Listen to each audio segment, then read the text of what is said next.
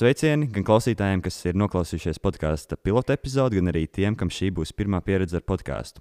Šajā epizodē apspriedīsim ļoti taustām vēstures nodaļu. 26. aprīlī apritēja 35 gadi kopš Černobiļas atomelektrostacijas katastrofas, kad netālu no Pripjats Ukrainā sasteigtas drošības pārbaudas laikā eksplodēja Černobiļas eh, reaktors, 4. reaktors. Un no pilsētas un apkārtnes tika evakuēti 300 tūkstoši cilvēku taču seku novēršanai tika mobilizēti divreiz vairāk - 600 tūkstoši. Un daudz ciņai radiācija un valsts iekārta deva gan savu veselību, gan dzīvību.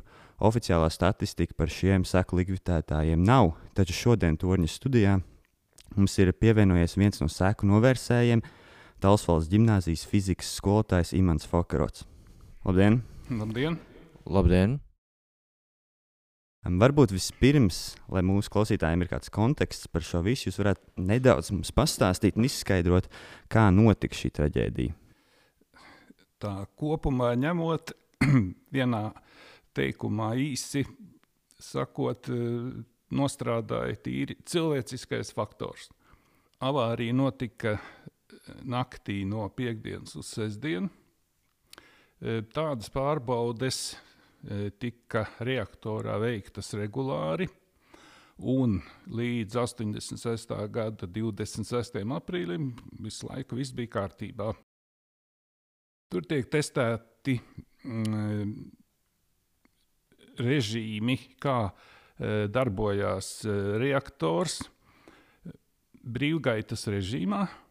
Tas ir tad, kad nu, tiek samazināta reaktora jauda aizvien mazāk un mazāk, un tiek pētīts, nu, kā tur nostrādā visas eh, šīs dzēsēšanas sistēmas, eh, ģeneratori, kuri darba laikā griežas ar milzīgu ātrumu un milzīgu inerci. Viņi turpina griezties un ražot strāvu. Vēl, nu, tur tie procesi ļoti, ļoti sarežģīti. Un, lai viss būtu kontrolēti, reaktorā pastāv eh, trīskārša aizsardzības sistēma. Tas ir, ja nenostrādā pirmā kārta, tad iedarbojas otrā, ja nenostrādā otrā, tad iedarbojas trešā. Operatori, kas veic šo pārbaudi, vienkārši gribēja ātrāk nokļūt mājās. Tāpēc sasteidza visu to procesu, un atslēdza visas e, trīs e, šīs drošības pakāpes un pārgāja, kā teikt, e, uz, nu, tā kā traktoram ir divi vadības rokturi, pa labi, pa kreisi, apmēram tādā režīmā. Tas nāk manuālajā režīmā. Manuālā režīmā, jā. Vajadzēja panākt tā, lai Restīvi, nu, reaktora jauda pakāpeniski tiek eh, samazināta līdz minimumam, un pēc tam atkal pakāpeniski celta augšā. Bet, lai paceltu jaudu, ir no reaktora jāizvelk laukā tā saucamie neitronu palēninātāji, stieņi, ar kuru palīdzību var regulēt e, reakcijas ātrumu. Ja tas notiek automātiski, tad, ja kaut kāda iemesla dēļ e, reakcija e, kļūst e, aktīvāka, tad automātika šos stieņus visus teikt, nolaiž strauji reaktorā, un reakcijai vajadzētu apstāties. Bet visiem padomu senībā ražotiem reaktoriem bija viens mīnus, tā sauktā neg negatīvais eh, ķēdes reakcijas koeficients. Tas nozīmē, ka pieaugot temperatūrai reaktorā, reakcija pātrinās, kodola reakcija pātrinās. Rietumos, eh, Eiropā, Amerikā un visur pasaulē eh, reaktoriem ir pretēji. Ja temperatūra palielinās, tad attiecīgi reakcija samazinās. Un tā kā šeit reaktorā palielinot reaktoru jaudu, pacēlās diezgan strauji temperatūra. Restīvi kodola reakcija sāka strauji e, pieaugt, un bija vienkārši par vēlu. Nepaspēja vairs ar vadības cieņiem nekādā veidā to nobremzēt, to procesu. Un temperatūra pacēlās kur pāri pa 2000 grādiem. Un varbūt ne visi zina, ka um, ūdens šādā te temperatūrā, pie 2000 grādiem, sadalās par ūdeņradi un skābekli. Spiediens pieauga līdz ļoti augstiem apmēriem, un notika vienkārši gāzu eksplozija. Restīvi pārkarsētie šie ūdens tvaiki, kas ir sadalījušies tagad jau par skābekli un ūdeņradi, vienkārši pacēla reaktora 70 tonnas smago vāku, uzmet apmēram 30 metru gaisā, un vāks nokrita atpakaļ, apgāzies nu, šķērsām, bet uz otru pusi. Un līdz ar to izplūda arī visas sakrājušās gāzes reaktorā. Tā kā ūdeņradas nokļūstot gaisā ar skābekli momentā uzliesmo, tad sākās vienkārši degšana. Un tā kā grafīts jau bija praktiski jau līdz tādai temperatūrai, ka viņš jau kusa, arī tas sāka degt. Bet tas ir radioaktīvais grafīts. Un līdz ar to visi radioaktīvie putekļi kopā ar radioaktīvajiem urāna atkritumiem, kas rodas kodola reakcijā, viss nokļuva atmosfērā. Kāpēc um, bija šis koeficients pretējs no Eiropas Savienības valstīm, no rietumu valstīm? Nu, kādas toreiz bija tehnoloģijas? Nepavēlti smējās, kad tas vēl bija Leonīda Brežņēna laikā, kad jautāja konstruktoriem, nu, vai atomelektrostacijas ir drošas. Atbilde bija piesitiens pie krūtīm, viss ir kārtībā. Tā bija garantija, ka vis, nekas nenotiks, ka viss ir droši. Jo, jo toreiz jau viss, viss tika slēpts, maskēts, noklusēts un tā tālāk. jo tad, kad pēc avārijas speciāla komisija izmeklēja, kurš tad ir vainīgais, tad trīs vainīgie, kuri sēdās uz ap, apsūdē, apsūdzēto soli, es nemaldos, bija 86, 85 un 84 gadu veci. Tad atrada grēkājuši. Mm -hmm. Nu, tad, nu, jā, nu, mēs tagad skatāmies uz šo visu atpakaļ un uh, zinām, gan izvēlēji minūti minūtē, kā šī traģēdija notika. Bet kā bija tieši uzzināt par šo traģēdijas faktu? Kad jūs uzzinājāt par šo traģēdijas faktu? Fakts tika slēpts uh, diezgan ilgi, jo pat 1. maijā Kijavā visi darba ļaudis starptautiskajā strādnieku dienā gāja demonstrācijās. Neviens neko nezināja, ka, ka turpat tās 70 km attālumā ir notikusi drausmīga katastrofa. E, pirmie signāli, kas atnāca, bija ne jau no Padomju Savienības, bet no Zviedrijas. Jo Zviedrijā Eh, arī ir atomelektrostacijas, drošības sistēmas, un tur drošības eh, dozatori pēkšņi uzrādīja strauju eh, radioaktivitātes kāpumu. Un tad sacēla mm, starptautisku brēku, bet nu, Padomju Savienība jau bija slēgtā zona. Cik pēc tam lasīja, kā, kā tas notika nu, Baltijas valstīs šis milzīgais radioaktīvais mākonis, kas pacēlās gaisā, valdīja dienvidu austrumu vēji, un šo mākoni pūta virzienā, ja paskatītos no, no Černobiļas virzienā pāri Baltkrievijai, pāri Lietuvai, un viņš gāja pāri arī Kurzemē. Baltijas jūrai pāri, virs Zviedrijas, apstājās daļa e, nokrišņu nokrita, pārējie, kas palika, tie virzījās tālāk e, ziemeļaustrumu virzienā uz e, tādu salu Novai Zemļā, kas ir Ziemeļledus okeānā. Un tur arī nokrita beidzamie šie te, teikt, nokrišņi, un tur viņš kā teikt, mākslinieks izklīda un beidza. Em, Kad jūs uzzinājāt, ka jums būs jādodas novērst visas um, sekas? Tur varētu veselu romānu uzrakstīt. Eh, es strādāju Ogrē arotskolā, pas eh, skolotāju. Un, eh, Vai dien- jūs jau tajā laikā bijāt iegūmis fizikas izglītību? Protams, Es- Bet- Cik jums tajā laikā vispār bija gada ap to laiku? tā 87. Tad 34. 34. Jā. Bija jau divi bērni, jo e, pirmajā gadā ņēma visus, arī jauniešus, 18, 20 gadīgus, tādi, kuriem vēl nav pēcnācēji un kur nav precējušies, bet pēc tam jau pēc kaut kāda perioda mainīja likumu, un tad tikai e, pieauguši, vismaz e, divi bērni precējušies, un tikai tāds. Tad dienas vidū atnāk e, zvans, jāierodās eh, poliklinikā uz eh, veselības pārbaudi. Un ar rezultātiem uz eh, kara, eh, kara komisariātu. Nākošā dienā tas sasauca mūs, eh, mēs bijām seši, eh, seši kandidāti, visi rezerves virsnieki.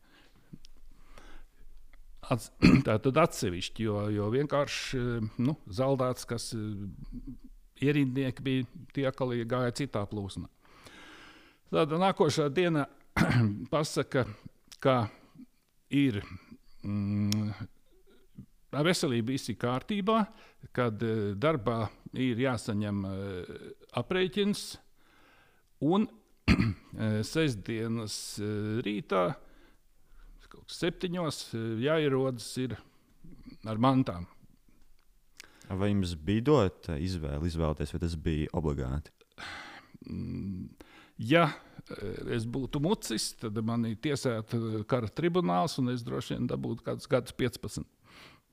Kā jau droši vien padomju savienībā visi tie patiesie riski mēs jau zinām, tika slēpti un izvēles nevienam droši vien nebija. Bet vai jums šķiet, vai tam bija kaut kāda saistība ar jūsu fizikas izglītību, ka jūs tieši tikāt aicināts? nē, nekāda sākumā. Jo tur uh, Latvijas valsts universitātē, kur beidzu uh, vienlaicīgi arī kara katedru, mūs gatavoja kā uh, kājnieku, me- mehanizēto kājnieku vadu komandierus. Man jau bija tāda vecākā leitnanta pakāpe, izgājis vairākus šos te, nu, tādus divu mēnešu kursus, bet nu, nekāds garš eh, dienests, kā teikt, bija puiši, kas divus gadus arī nolauza armijā pa pilno. Un pēc tam vēl uz, uz Černobiļu arī tika aizsūtīti. Jo man aizsūtīja, jā, un nu, pirmajās dienās arī es biju.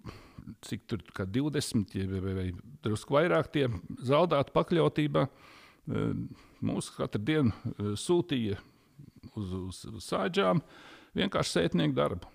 Skalot, mazgāt, tīrīt eh, radioaktīvos no- nokrišņus, visas putekļus. Bet pagāja viena, viena nedēļa, un mūsu pulkā eh, bija vakanta vieta, nebija radiologa. Un tas ir nu, radiācijas drošības inženieris, mhm. kurš veic eh, mērīšanu, dozes nosaka, eh, reālās eh, arī eh, kontroli veids par, par darbiem, drošības tehniku, kā ievēro. eh, Piedalās arī visādās sapulcēs, un kā teikt, nu, instruktāžas arī jaunos, piemēram, atved tur 70 cilvēkus. Pūkstens divi naktī man paceļ, jāiet lasīt, eh, drošības eh, tehnikas lekcija. ne. Visi guļ, arī pašam nāk miegs, bet ir jānolasa tas, ka nu, tā kā instrukcija. Un e, mani atrada, e, es biju sardzē, e, autoparkā. Mani atrada, ka komandieris bija izostījis, kad, ka man ir fizikas izglītība un piedāvāja šo e, amatu. Nu, pēc vienas dienas pārdomām es arī piekrītu. Pirms manis šajā amatā bija no Lietuvas vīrs ar celtnieku izglītību, un tur stāstīja nu, tādas anekdotas, nu, kā teikt, nu, Viņš vienkārši gulēja gultā un, un pieņēma pasūtījumus un rakstījis. Tas nu, jau galvenais jau bija to uh, radiācijas dozi savākt un ātrāk, lai ātrāk tiktu prom. Kādu jums aprīkojumu izsniedz? Varbūt kaut kādas aizsargtērpus, kaut kādas um, gāzmaskas filtrācijai, gaisa elpošanai, kaut tam līdzīgu. Situācija tieši tāda paša kā šodien. bija jāsteigā visu laiku ar vienkārši parastu šo aizsargu masku, nu, putekļu masku, kas samazina šo pa gaisu lidojošo radioaktīvo putekļu daudzumu, tur vairāk desmit reižu. Bet, kā jau bija Baltkrievijā, tāda diezgan parūpīga dziesmiņa, kad mēs esam tāda nācija, ka mums tā radiācija neķer. Ne? Un tās maskas jau maz kas lietoja. To, ka gaisā tiešām bija virmoja šī radiācija, varēja ļoti labi sajust pēc garšām, jo mutē parādās tāda metāliska, metāliska garša, tāda tā kā nu, dzelžaina, kas liecina, ka gaiss ir ionizēts un viņš vienkārši kairina šos elpošanas ceļus. Un ļoti būtisks, ja, protams, arī ir jautājums par to nu, higiēnu. Tāpat rokas jāmazgā vai ne. E, braucot no objekta, kur ir tīrīts kaut kas, apavi jāatstāj atsevišķi, drēbes jāatstāj atsevišķi.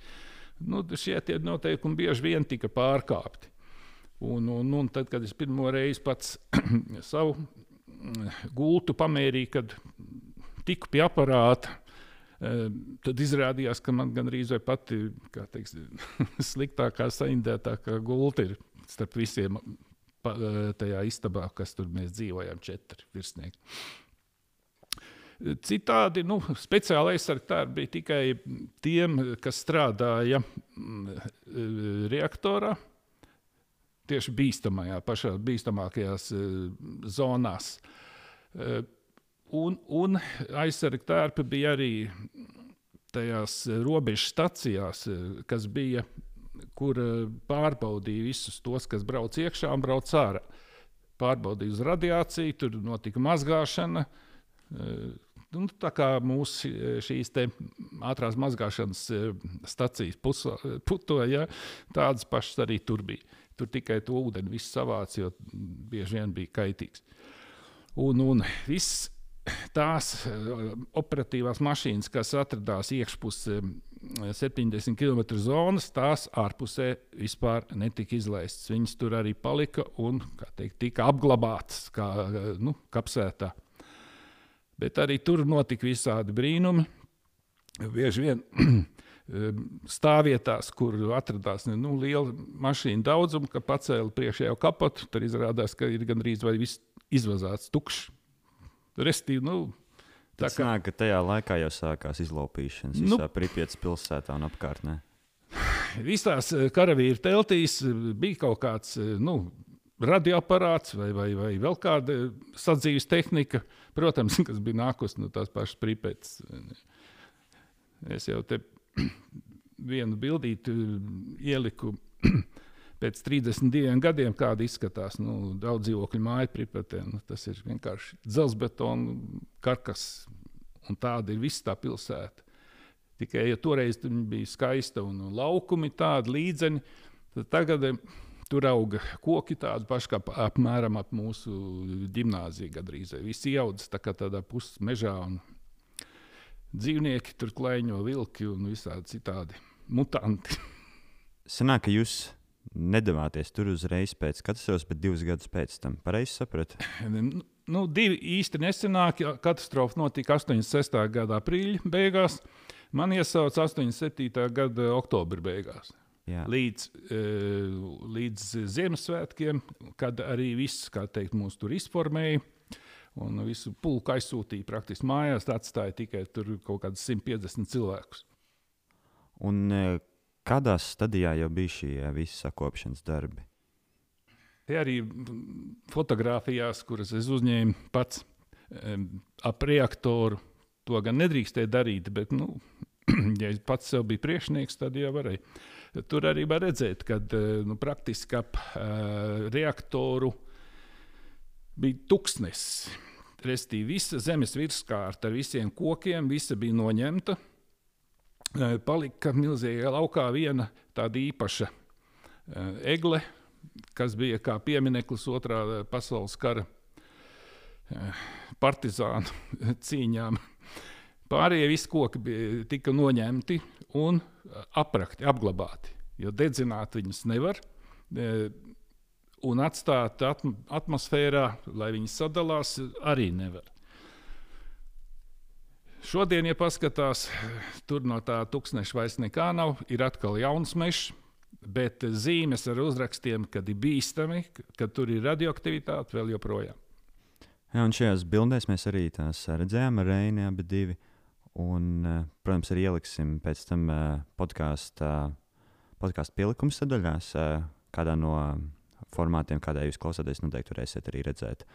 Un eh, tas, ko mēs tajās bildēs arī redzējām, bija tas, eh, ka fo eh, skolotājs Fokrots reti, kur bija viens tajās bildēs. Viņam ir tāda kā, nezinu, draugu likvidatoru grupiņa. Un eh, es vēlos jums pajautāt, kāda bija gaisotne visu jūsu vidū? Kāda bija attieksme pret šo visu projektu citiem likvidatoriem? Tā kā mūsu uh, pulks, kurā es arī atrados, skaitās, uh, nu, skaitījās, nu, principā viņš bija no Baltijas kara apgabala aizsūtīts tur. Jo visas karaspēka daļas, kas tur bija visapkārt izvietotas, bija eh, no dažādiem šiem kara apgabaliem. Un tā kā Baltijas eh, šajā pulkā bija eh, nu, gan latvieši, gan īgauņi, gan arī lietuvieši. Nu, protams, ka visas pamata lielākos teikt, amatus un visu virsnieku vecāko sastāvu. Tie bija kadru, kadru virsnieki, nu, armijas cilvēki, kurš jaunāks, kurš drusku vecāks. Bet nu, pārējais viss sastāvs tika formēts no Baltijas. Tā kā nu, mans tas radiologa amats tika pieskaitīts pie medicīnas sadaļas, tad arī bildēs, kur varēja redzēt, apkārt tie visi pamatā bija rezerves virsnieki. Nu, ar atbilstošu izglītību. Tātad, kurš inst medicīnas institūts beidzis vai kaut ko citu. Tā kā, nu, principā, attiecības bija normālas. Kaut gan, nu, bija visādi tur gājieni, kad man arī solījās, ka es dzīves mājās neaizbraukšu. Jo tās intereses ir, bija tik dažādas, ka visiem paprātam izdabāt arī grūti. Jo tā kā mans uzdevums bija visiem vecākajiem štāba virsniekiem dozes noteikt un rakstīt katru dienu. Tur bija divas galējības. Viena bija tāda, kas prasīja, tu raksti man pēc iespējas vairāk, es ātrāk gribu no šejienes tikt projām. Bija arī tādi, kas tu raksti man lūdzu pēc iespējas mazāk, jo es gribu šeit ilgāk palikt. Iemesls? Viena diena uz, aizbraukt uz reaktoru, pastrādāt kaut vai pusstundu, maksāja pieckārtīgā apmērā darba algu. Stāties priekšā. Jā, ka daži cilvēki to visu uzskatīja par tādu savu veidu piepelnīšanās veidu. jā, Par to Un- maksāja vispār. jā. Vai tad, vai tad jau, es nez- neredzu to loģiku, pēc tā jau visi bija, var teikt, tā gandrīz obligāti jāiesauc. Tad, um, kāpēc vēl to, to visu piedāvājumu vēl pasaldināt ar samaksu? To jājautā tiem, kas to organizēja. Jo eh, nu, katra virsnieka saņem algu kā algu, bet arī viņiem tā alga bija. Nu, Restīvi tur katrā eh, sadalī, sadalītajā zonā bija savs koeficients. Eh, Ja dzīvoja tikai pa nometni, nometni bija no reaktora 70 km attālumā, eh, lauka vidū, tad eh, tur bija tikai eh, divkārša. Tas ir pamatalga plus vēl viena. Eh, Ja tu strādāji jau drusku tuvāk, nu, pēc bīstamības tad bija trīskārša vai, vai četrkārša, un, un pašā reaktorā tur jau bija pieckārtīgi. Jau. Ir jau skaidrs, zināms, ka daudziem, kas atgriezās pēc tam, nācās um, saskarties ar dažādām veselības problēmām, vai arī jūs esat saskāries ar kaut kādām ionizējošas radiācijas simptomiem. Visiem pamatā, kuri atgriezās, bija jāiziet obligātās eh, medicīniskās pārbaudes. Sākumā katru gadu stradiņos eh, speciāla nodaļa, Černobiļas nodaļa, kur regulāri bija pilna. Un arī šīs pārbaudas gāja, un tur, ja nebija nekādas e, tādas nu, atklātas e, kaitas, redzamas, e, tad bija diagnoze neprecizitāta, neprecizitāta radiācijas ietekme. Un tas, tas gāja visur cauri, un zem tā praktiski nu, jebkura slimība, kas bija, tika, tika palikt apakšā. Eh, medicīnas ap, aprūpe arī eh, toreiz visiem, kas bija piedalījušies, visiem bija pa brīvu. Eh, tātad slimnīca pa brīvu, arī at, atpūtas nami un sanatorijas. Tur gan bija rindās jāstāv, bet arī tur bija pa, teikt, pa brīvu. Tā kā nu, atvieglojumi bija arī uz zālēm. Pēc visa notikušā, kuras ainas jums vispilgtāk palika atmiņā? Nu, tagad jau tās atmiņas eh, drusku, drusku tā ir nu, pabālējušas, bet eh, nu, eh, tad, kad pirmo reizi ieraudzīju to teikt, reaktoru savām acīm, nu, tā bija tā, tā kā nu, tā mazliet. Jo nu, likās, ka tur jau Nu, viss, viss ir tik briesmīgi, tik briesmīgi, ja, bet 87. gada nobeigumā jau bija jau krietni, jo tur teikt, notīrīts, savākts, bija milzīga aiz reaktora lūžņu kaudze. Kur, kurai klāt ne, nedrīkstēja tuvoties, bet visā pārējā apkārtnē, principā, tā radiācijas līmenis nu, nebija pārāk augsts, tā ka tur būtu ļoti, ļoti bīstami. Ļoti interesanti bija pirms uh, trim gadiem, kad fizikas asociācijas skolotāja delegācija arī visi organizēti aizbrauca uz, uh, uz Ukrajinu. Nu, tur dažādi, dažādi objekti bija tika apmeklēti, bet tajā skaitā bija arī ekskursija uz uh, uz šo atomelektrostaciju. Tas nāk, ka jūs tādā veidā nokļuvāt atkal, atpakaļ Černobiļā. Jā, un starp visiem nu, skolotājiem no visas Latvijas. Mēs ar skolotāju arī abi no, no tālsiem. Nu, es biju vienīgais uh, dalībnieks, tāds, kas, kas otrais piedalījās. Tur. Nu, lūk, tur arī es sniedzu interviju. Tur, e, vietējai Man šķiet, tā bija vietējā televīzija. Arī apjautājās izvadīja mums tur ekskursijās gan par reaktoru, gan arī par pripieķi. Nu, laiks bija briesmīgs, un sniegs bija tāds gandrīz uz pusmetru, un viss slapjš, un, un kaut kur paiet bija pagrūti. Bet nu, arī tas tagad tur ir kļuvis jau par biznesu. Jo brauc tur nepārtraukti cilvēki, kuri grib redzēt savām acīm, uh, pa to zonu, nu, par reaktoru iztaigāt, tur, tur ir halātiņos, tur jau viss ir pilnīgi droši izmērīts. Un, un, var redzēt, kāds izskatās vadības bloks ar visiem aparātiem. E, tur ir maketi sataisīti. Kā tas viss ir noticis, parādīts tādā. Nu, Sanāk, tur tāds kā muzejs ir ierīkots.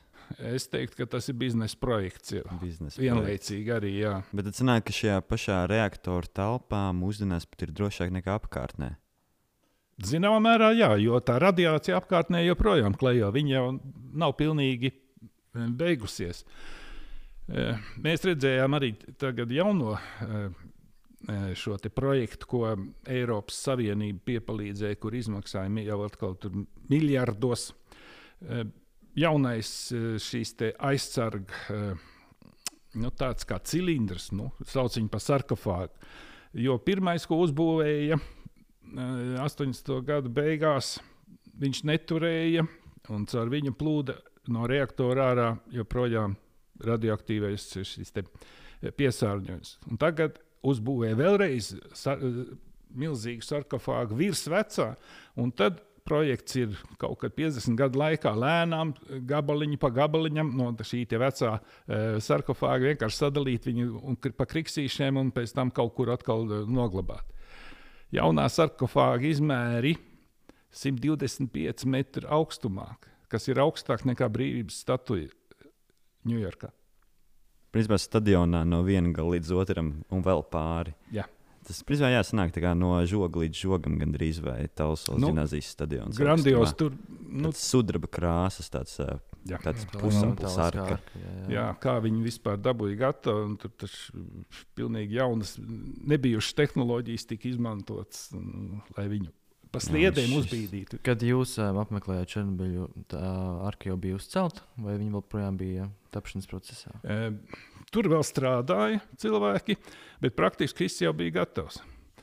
Bet vēl nebija uzbīdīta virsū uz reaktora. Uzbīdīt viņa jau bija virsū. Jā, bija jau tikai- uzbīdīta virsū Jā. uz tur reaktora. iekšā man šķiet tās robotiskās rokas, viņš tur ierīkoja kaut kādu robotisko roku, kas ir lēnām izjauks. Viņam, jā, jo viņam ir dubulta uh, siena, uh, kas no, uh, izslēdz jebkādas gāzes izplūšanu no iekš, iekšējās telpas. Tās ir pilnīgi kā tāds nu, slēgtas.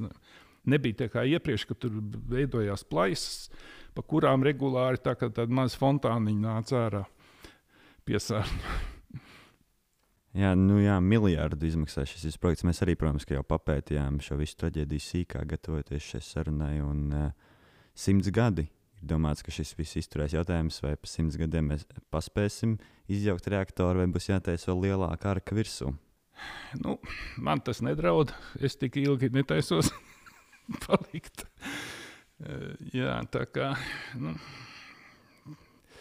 tad jau, tad jau eh, jā, redzēs. Ko es vēl varu ieteikt tiem, kam interesē, interesē šī, šīs lietas? eh, Ir seriāls, piecas sērijas, Černobiļa, ko uzņēmuši amerikāņi, kurš ir nu, super autentisks, pēc vizuālā skata, cilvēki, personāži. Nu, tas, ka viņi nerunā krieviski, eh, nelamājas, bet runā angliski, jā, nu, tas kaut kā drusku tā liekas neīsti. Arī visa tehnika, visi autobusi, viss, kas tur figurē, visi notikumi, visi ir nu, super analogi uztaisīti, kā, ti, kā tiešām tas eh, notika. Ļoti tuvu. Um, bet nu, nu, jūs bijāt ekskursijā uz šo visu atomelektrostaciju, šo zonu, vai, principā, vai tur vajadzētu kādam, kas dodas turismā uz uh, turieni, uztraukties par uh, jebkādām radiācijas sekām? Viss tiek kontrolēts par katru e, cilvēku, e, kas piedalās šajā procesā. Ir, ir akts, tiek iedots papīrs līdzi, kādu radiācijas dozi, cik lielu tu esi šajā ekskursijas laikā saņēmis. Tās, nu, cik tur pusdiena var būt maksimālais. Tā kā, nu, principā viss, viss ir kontrolēts un droši. Interesanti arī, nu, kā vispār nogādāt cilvēku. Tur jau, tad, kad darbojās stācija, jau elektrolīnija bija no uh, pilsētas. Tagad jau viņi ir uh, nu, tāda kā galvenā apkalpotāja Slavutiča. Tāda. Mēs arī tur ekskursijā bijām. Tātad elektriskais vilciens iet līdz pašai stācijai. No vilciena izkāpa laukā, pilnīgi slēgtā, tādā nu, tā kā tunelī. Durvis ir nu, maza, maza spraudziņa tikai ar atmosfēru. Tātad viss ir pilnībā teikt, izolēts. Tu dodies tālāk pa pilnīgi slēgtiem eh, šiem gaitiņiem. Eh, Visa ekskursija notiek pilnīgi eh, tādā iekšienē, telpās, kuras ir nu, es teiktu, drošāk nekā ārpusē. Tā kā nekādas tādas bailes, ka tur kaut ko varētu saķert, ja tu nelien pats ārpus žoga kaut kur zonā, kur ir aplīts ar trim sektoriņiem, tad nekas nenotiks pārāk slikts. Vai jūs ieteiktu cilvēkam, kas vēlās nu, doties ekskursijā, nu, tādam, kas varbūt to nav pieredzējis, uz turieni doties? Viss jau atkarīgs no intereses. Var jau visu to redzēt pie televizora ekrāna, paskatīties, bet nu, ir jau tādi, kam vajag visu aptaustīt, kas grib redzēt dabā, kā tas izskatās. Kāds tas milzīgais angārs, piemēram. Nu, pastāvēt blakus, kur tu, tur tā kā tāda maza skudriņa. Jā, traģēdija, traģēdija tiešām bija šausmīga, bet uh, nu, mūsdienās mēs paši atrodamies uh, vēl vienā citā traģēdijā, kas būtu globālā sasilšana. Un kā jūs vērtējat vispār nu, kodola enerģiju kopumā, kā, kā energoresursu, neskaitot šo milzīgo inkompetenci, kas notika Černobiļā? cilvēks ir dīvains radījums. Un, no vienas puses, e, viņam gribas e, aizvien lielākā komfortā dzīvot, no otras puses, viņš atkal noliedz e, to, kas šo komfortu var radīt. Nezinu, vai daudz būtu tādu, kas būtu atgriezti, mieru atgriezties salā pie svecītes, bez elektrības, bez ērtībām, bez telefona, bez interneta. Bet tas, kad vajadzīga ir eh, elektrības strāva, elektroenerģija, viņi ir jāsaražo. Var jau, protams, eh,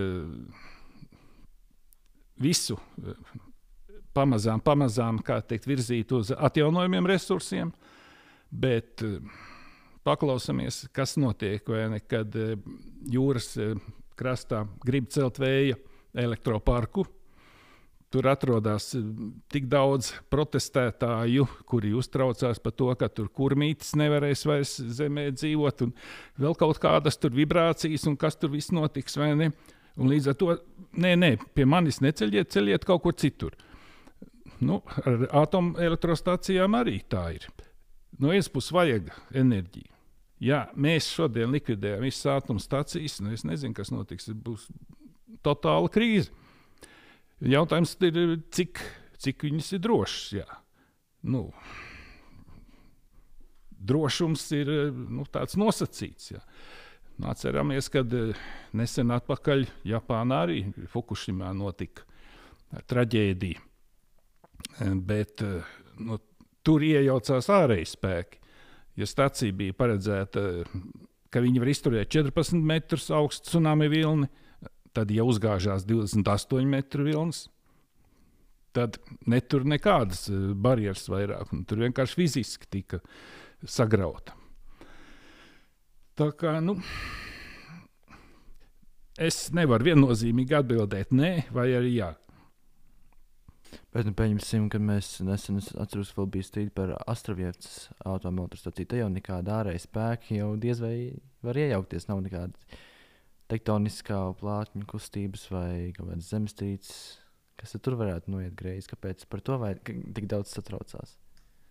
Es neesmu iedziļinājies tīri tehnoloģijās, kas ir izmainījies salīdzinot ar 80. Eh, gadiem. Droši vien kaut kas ir nācis klāt, bet tās joprojām ir eh, pašas Krievijā ražotās iekārtas. Un tā dīvaini sanāk. Černobiļa bija praktiski daži kilometri attālumā no Baltkrievijas robežas. Baltkrievija ceļ stācija daži kilometri attālumā no Lietuvas robežas.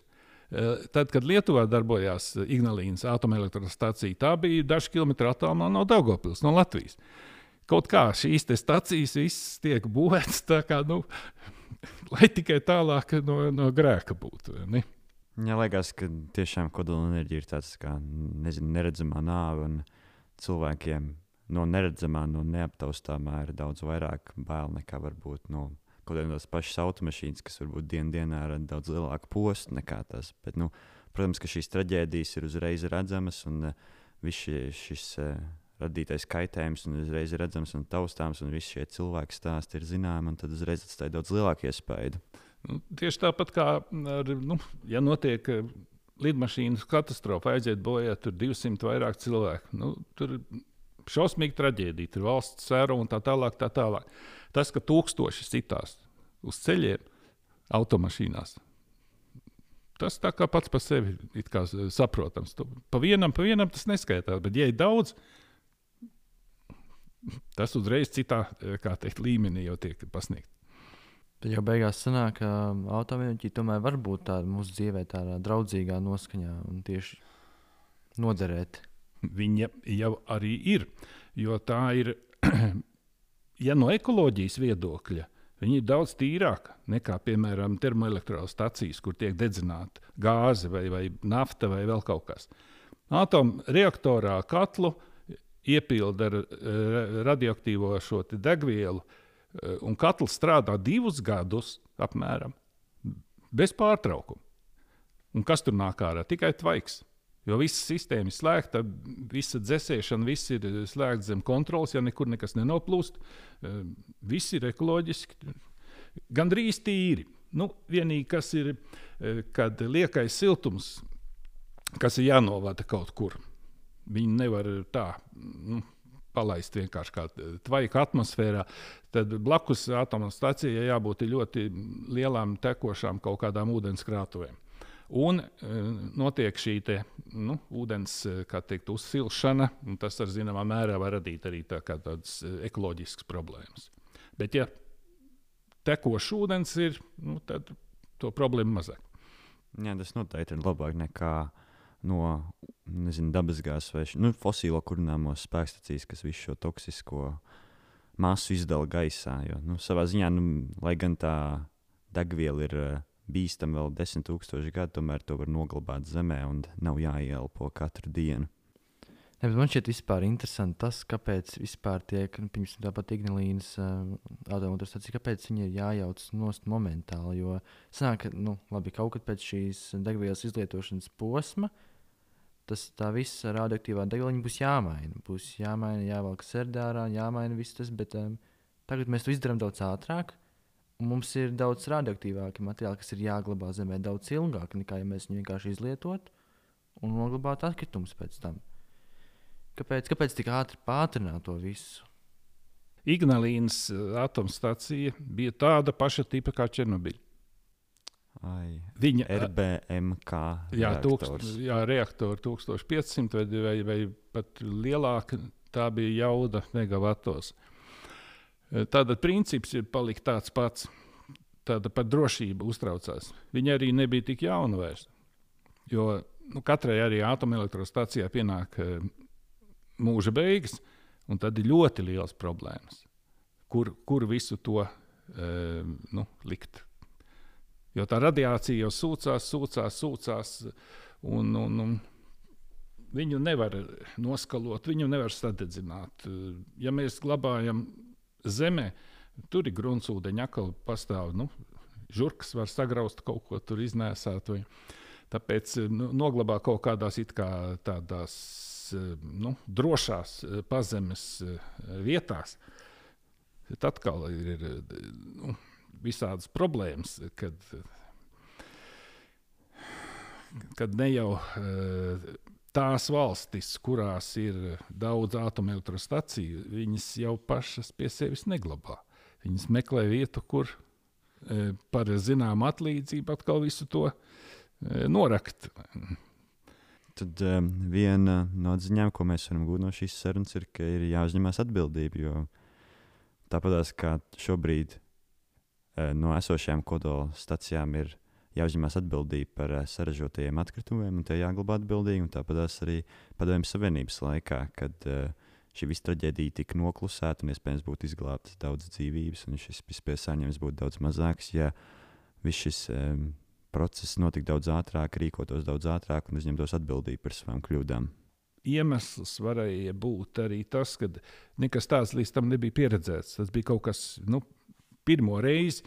Un, un daudz cilvēku vienkārši totāli, totālā panikā apjuka, nesaprata, ko darīt, kā rīkoties, kam ziņot, ko saukt palīgā. Jo tad, kad arī pasaule uzzināja, bija gatava palīdzēt visādā veidā, padomu saimniecībā nu, atteicās. Mēs paši tiksim, mēs paši tiksim galā. Tikai ko tas maksāja? Jā, liels paldies skolotājiem Imantam Fokrotam par šo interviju. Tiešām interesanti.